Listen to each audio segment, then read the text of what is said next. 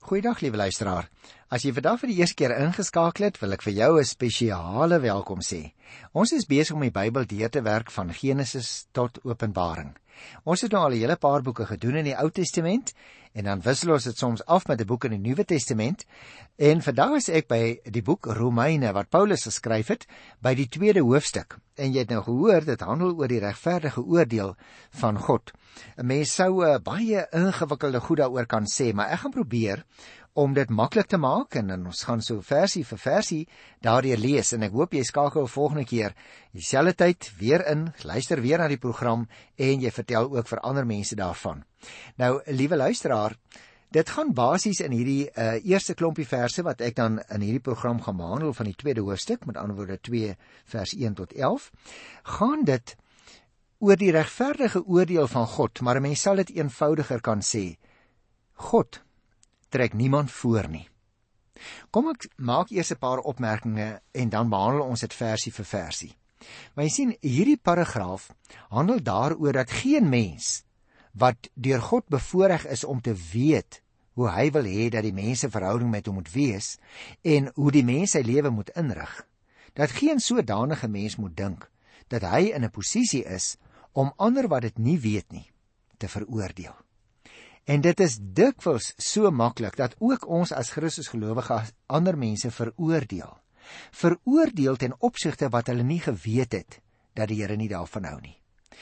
Aan die ander kant leer Paulus nou vir ons in hierdie gedeelte God oordeel regverdig en hy trek niemand voor nie.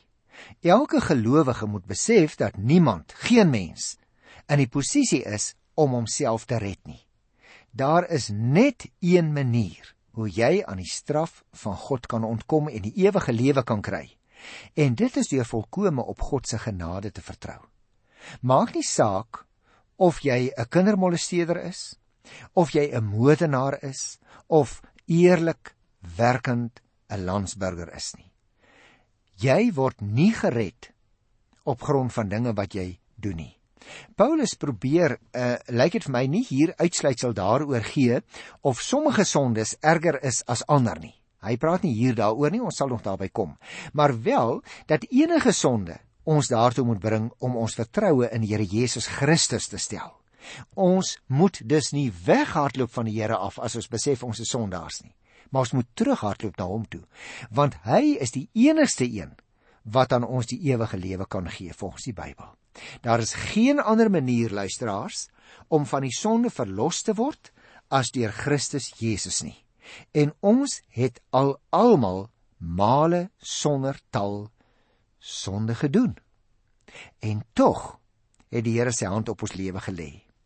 In aansluiting by die gebruik van baie filosowe van sy tyd, bring Paulus 'n denkbeeldige maar 'n baie tipiese gespreksgenoot in hierdie gedeelte by. Jy sal dit nou nou sien, hy praat van jy. Met ander woorde, hy voer as 'n ware gesprek met iemand en dit kan net sowel jy en ek wees, liewe luisteraar. Aanvanklik is die identiteit van hierdie selfde vrede ander veroordelende gespreksopponent onduidelik. Mettertyd kom jy egter agter dat dit hier primêr om die Jood met sy vertroue op sy eie wetsvervulling en sy neerhalende oordeel oor die nie-Jood gaan. Die jy kan egter ook heidene insluit wat ander mense veroordeel en nie hulle eie sondes raak sien nie. Daarom moet ons baie mooi luister wat hy hier sê. Kom ons lees die eerste 3 verse van Romeine die tweede hoofstuk en dan gesels ons met mekaar daaroor.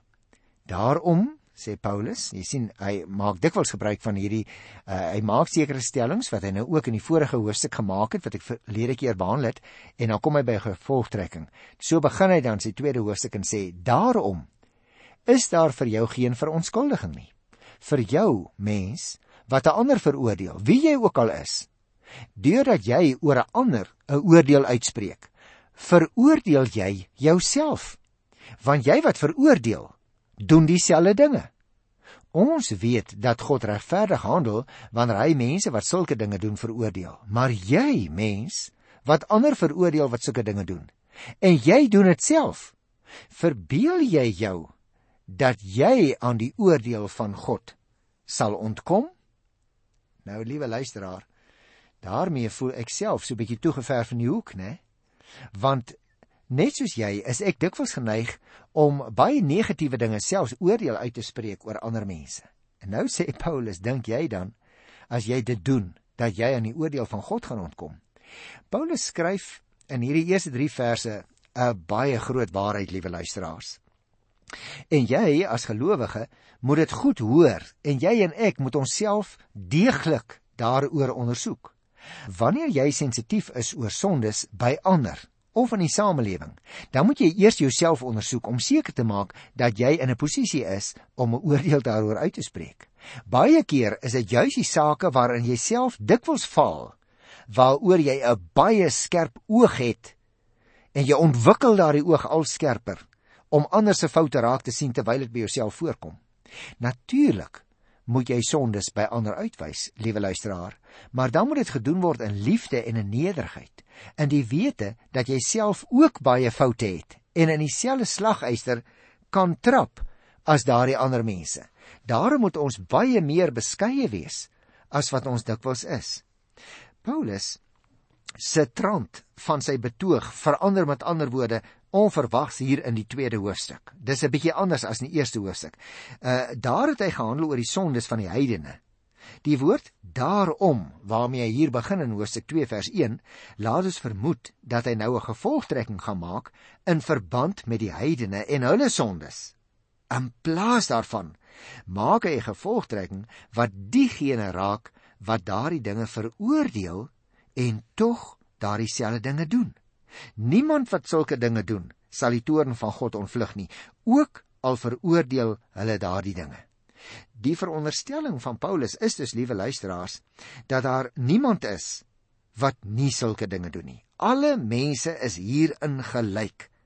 Al verskil dit dat sommige die dinge openlik en uitgesproke doen terwyl ander dit veroordeel maar in werklikheid doen hulle dit nie geheim Hy sê die oordeel van God oor die eerste groep is duidelik.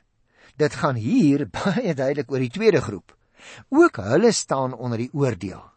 Diegene wat oordeel, mag miskien na die uiterlike beter lewe as diegene oor wie hulle oordeel en daarom meen hulle dat hulle vry is van die oordeel.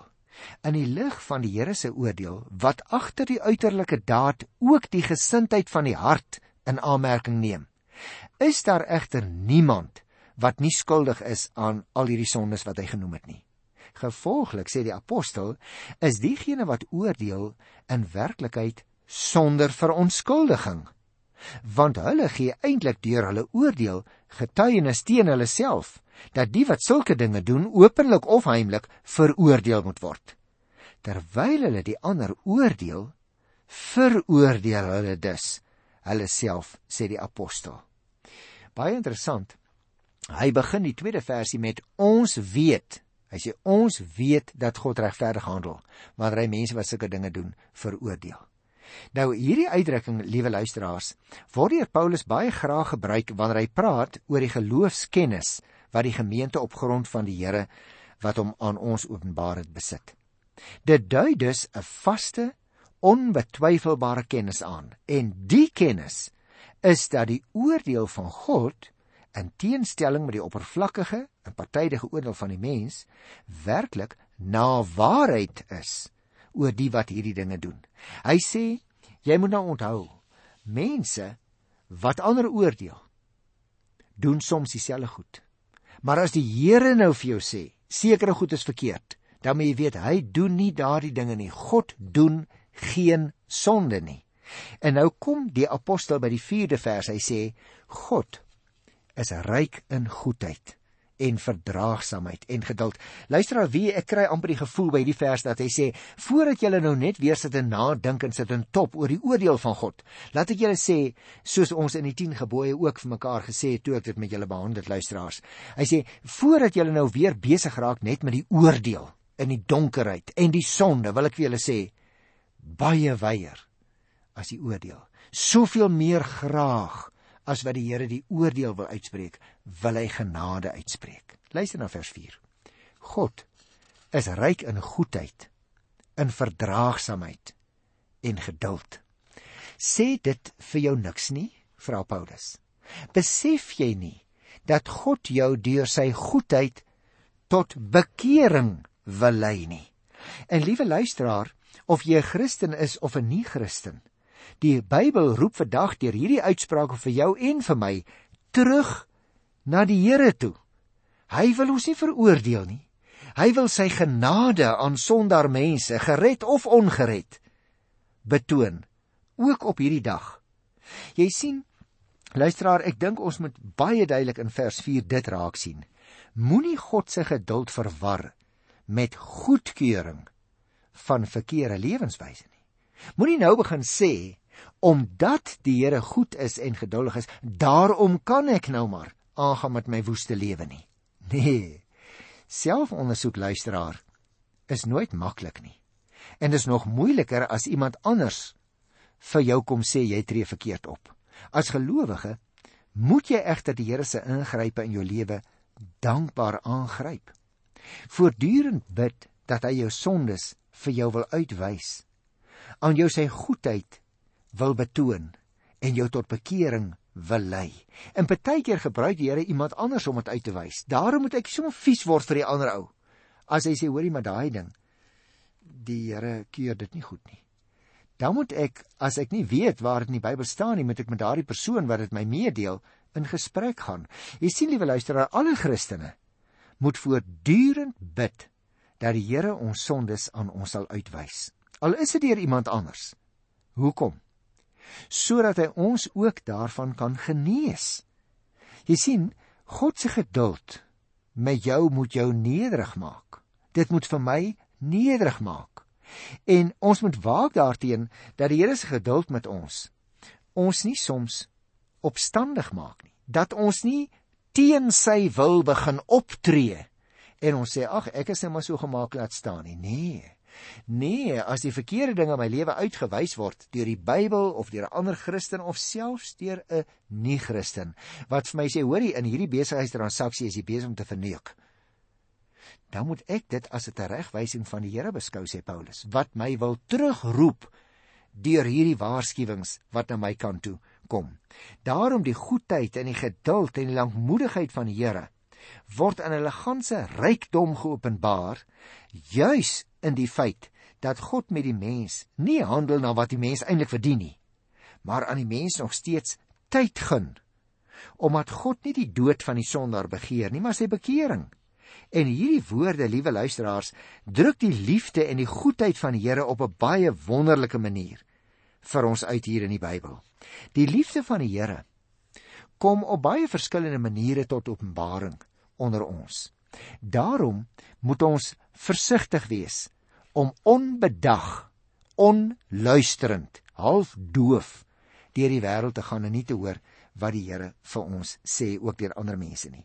Nou goed, as ons hier kom by vers 5 tot 11 in Romeine by die tweede hoofstuk, wil ek ook weer 'n paar opmerkingies maak en dan gaan ek na die teks kyk.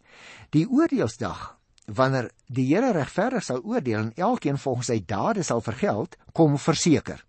Partykeer doen jy en ek 'n ding verkeerd en jy voel skuldig en verwag dat die Here jou gaan straf. Na 'n week of wat, dan het daar nog niks eintlik gebeur nie en dan kan 'n mens verkeerdelik dink dat die Here dit oorsien want die oordeelsdag het dan nou nie gekom nie.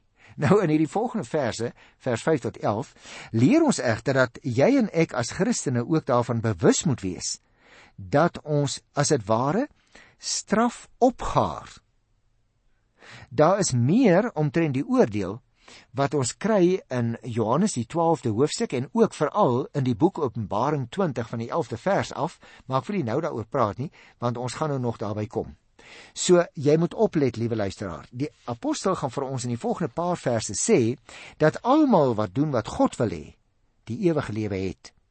Dit is dus nie 'n weerspreking van sy stelling dat ons slegs deur geloof gered word nie. Die goeie werke is nie die rede hoekom God ons red nie maar elkeen wat gered word en dan goeie werke doen dra as dit ware die vrug van die redding. Hy dra daardie vrug omdat hy reeds gered is. Jou goeie werke is dus 'n baie belangrike saak. Dit is, kan ek dit so sê, jou goeie werke is 'n dankbare reaksie op God se genadewerk. Dit is nie 'n voorvereiste waarmee jy sy genade kan verdien nie. As jy dit sê, luisteraar, dat jy gered is, dan sal jou lewe vol volharding in goed doen en in geduld met ander mense en in diens aan ander mense wees. Is dit met jou so? Of neem jy nie jou redding ernstig op nie? Nou kom ons kyk in detail na hierdie versies. Hier by Romeine 2 by vers 5 gaan ek nou lees. Maar deur jou verharding en jou onbekeerlike hart is jy besig om vir jouself straf op te gaar, soos wat ek net nou gesê het, vir die oordeelsdag, wanneer God sy regverdige oordeel sal uitspreek. Jy sien eintlik gaan dit om baie meer as 'n nie besef nie. Jy kan nie maar net sê, "O, ek het dit nou nie besef nie." Dit gaan om 'n bewuste nie wil erken ek het verkeerd gedoen nie. In plaas van bekering gebeur die teenoorgestelde. Verharding van plaas. As die dominee sê of of 'n vriend sê vir my, 'n ander ou sê vir my, hoor hierdie ding in jou lewe is nie reg nie. In plaas daarvan dat ek tot bekering kom, verhard ek my, vervies ek my. Daar's 'n stuk onbekeerlikheid by my, sê die apostel met gevolglike verswaring van my skuld. Jy sien, liewe luisteraar, ek kan nie maar net in die trein wees op pad hemel toe nie. Ek moet voortdurend my lewe laat verstel deur die woord en die gees van die Here, soms ook deur ander mense wat met my oor goed in my lewe praat. Kyk in vers 6. Hy sal elkeen vergeld volgens sy dade. Nou, liewe luisteraars, jy kan verkeerdelik die afleiding maak 'n mens word gered deur jou dade. Goeie dade wat jy kan doen. Dis presies wat hier nie staan nie. Hier staan: Elkeen word vergeld volgens sy dade. Hier staan nie word gered volgens sy dade nie. As ek dus dade doen en ek volhard om verkeerde dade te doen, dan staan daar ek gaan daarvolgens vergeld word. Die Here gaan my daarvoor tot verantwoording roep. Die Here se oordeel gaan inderdaad ook oor die werke wat ons doen. Elkeen, liewe luisteraar, wie ook al mag wees, sal op grond van sy werke geoordeel word sonder aansien des persoons. Daarom kan jy en ek nie sê Oeg, nou ja, ek is nou lus om hierdie ding te doen of dis in my aard. Dis heel waarskynlik jou sondige aard as dit in stryd is met wat die Here se woord sê. Luister na vers 7.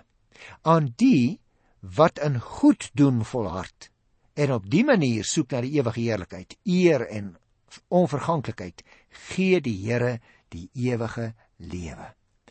Jy sien liewe luisteraar, die eerste groep ontvang in die ewige lewe die som totaal van waarna hulle soek. Die ewige lewe is veel meer as net 'n lewe wat ewig duur. Dit is 'n lewe met ewigheidskwaliteit en ewigheidsinhoud waar die sonde die mens afbreek, waar die sonde van die mense onding maak, soos ons geleer het in die vorige program, gee God aan hom sy ware mens voor God wees terug in die ewigheid. Luister na vers 8 en 9. Maar die wat uit selfsug ongehoorsaam is aan die waarheid en toegee aan die ongeregtigheid, straf God in sy toorn. Lyding en benoudheid bring hy oor die lewe van elke mens wat kwaad doen. In die eerste plek oor die van die Jood, maar ook oor die van die nie-Jood.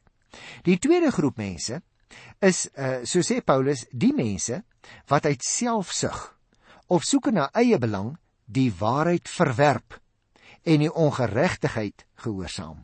Dus Paulus sê die mense wat kwaad doen. Hulle oordeel word eers van God se kant af beskryf. Hy straf hulle in sy toorn sê die apostel. En daarna, so sê hy, word hulle eie subjektiewe ervaring van God se oordeel beskryf lyding en benoudheid sal hulle deel wees. En hierdie oordeel, liewe luisteraars, sê die apostel geld vir alle mense. In die eerste plek vir die Jood en ook vir die nie-Jood. En dan sluit hy hierdie gedeelte af hier by vers 10 en 11. En daarmee gaan ek ophou vir vandag. Hy sê: Ewige heerlikheid eer en vrede skenk God aan elkeen wat goed doen. In die eerste plek aan die Jood, maar ook aan die nie-Jood. God trek immers niemand voor nie. En luister as dit is 'n baie belangrike opmerking wat die apostel hier maak, want jy en ek dink soms nou dat ons hierdie genade van die Here Christus gelowiges geword het, nou het ons 'n bietjie 'n voorkeur bo ander mense. Nee, die Here het nie witbroodjies nie. Hy trek niemand voor nie. Is Paulus se direkte woorde. Ek sou dus sê afsluitend herhaal Paulus die positiewe inhoud van die voorafgaande klompie verse. Behalwe dat hy uh baie duidelik nou onderstreep dat die Here geen witbroodjies het nie. En die ernstige vraag wat hierdie gedeelte nou na vore bring, liewe luisteraar, is of daar inderdaad volgens Paulus mense is wat deur hulle goeie dade die ewige lewe gaan ontvang. Nou, dit word twee keer genoem in vers 7 en in vers 10. Dit wil amper lyk asof die apostel sê mense gaan gered word op grond van hulle goeie dade. Tog. Tog luisteraar moet hierdie vraag in die lig van wat nou later nog gaan volg met 'n nee antwoord geantwoord word. Met ander woorde, mense word nie op grond van goeie dade gered nie. Paulus se betoog hier is bloot uh, suiwer teoreties en prinsipieel. Die werklikheid van die sonde is so groot, sê hy, dat buite Christus om geen mens hoe goed, hoe vroom, watter goeie dade hy ook al doen, die ewige lede vir hom kan verwerf nie. Met ander woorde, die apostel weerspreek hom nie later nie. Hy begin hier om alreeds te sê julle is uit genade gered. Daarom moet julle julle nie belangrik hou of julle verhef bo ander mense wat nie die Here Jesus ken nie. Julle moenie begin uitsprake maak oor hulle nie. Maar julle moet onthou dat ook by julle moet daar goeie dade na vore kom. Want die goeie dade sal die bewys wees in 'n sekere sin dat jy gered is. Want as jy gered is en jy doen nie goeie dade nie, dan gaan die Here julle daarvoor tot verantwoording roep eendag, want jy het mos geweet jy moet goeie dade doen juis omdat jy gered is. Die hele gedeelte lyk dit vir my, liewe luisteraar, loop uit op hierdie vers in vers 11 wat die hoofgedagte uitdruk. Niemand word deur die Here sommer net aangeneem nie. God oordeel regverdig. Dit is nie so dat die Here mense voortrek nie. Almal is op gelyk vlak. Met ander woorde, nie die vraag wie voor die regterstoel staan gee hier die deurslag nie, maar die vraag wat hy gedoen het. Die gedagte van die onpartydige oordeel van God speel dwars deur die Bybel 'n rol, liewe luisteraar.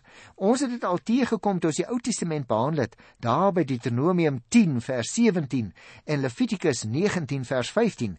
So hierdie is glad nie iets nuuts as die Bybel nou vir ons sê 'n gelowige doen goeie werke. Dit kom in die hele Bybel voor.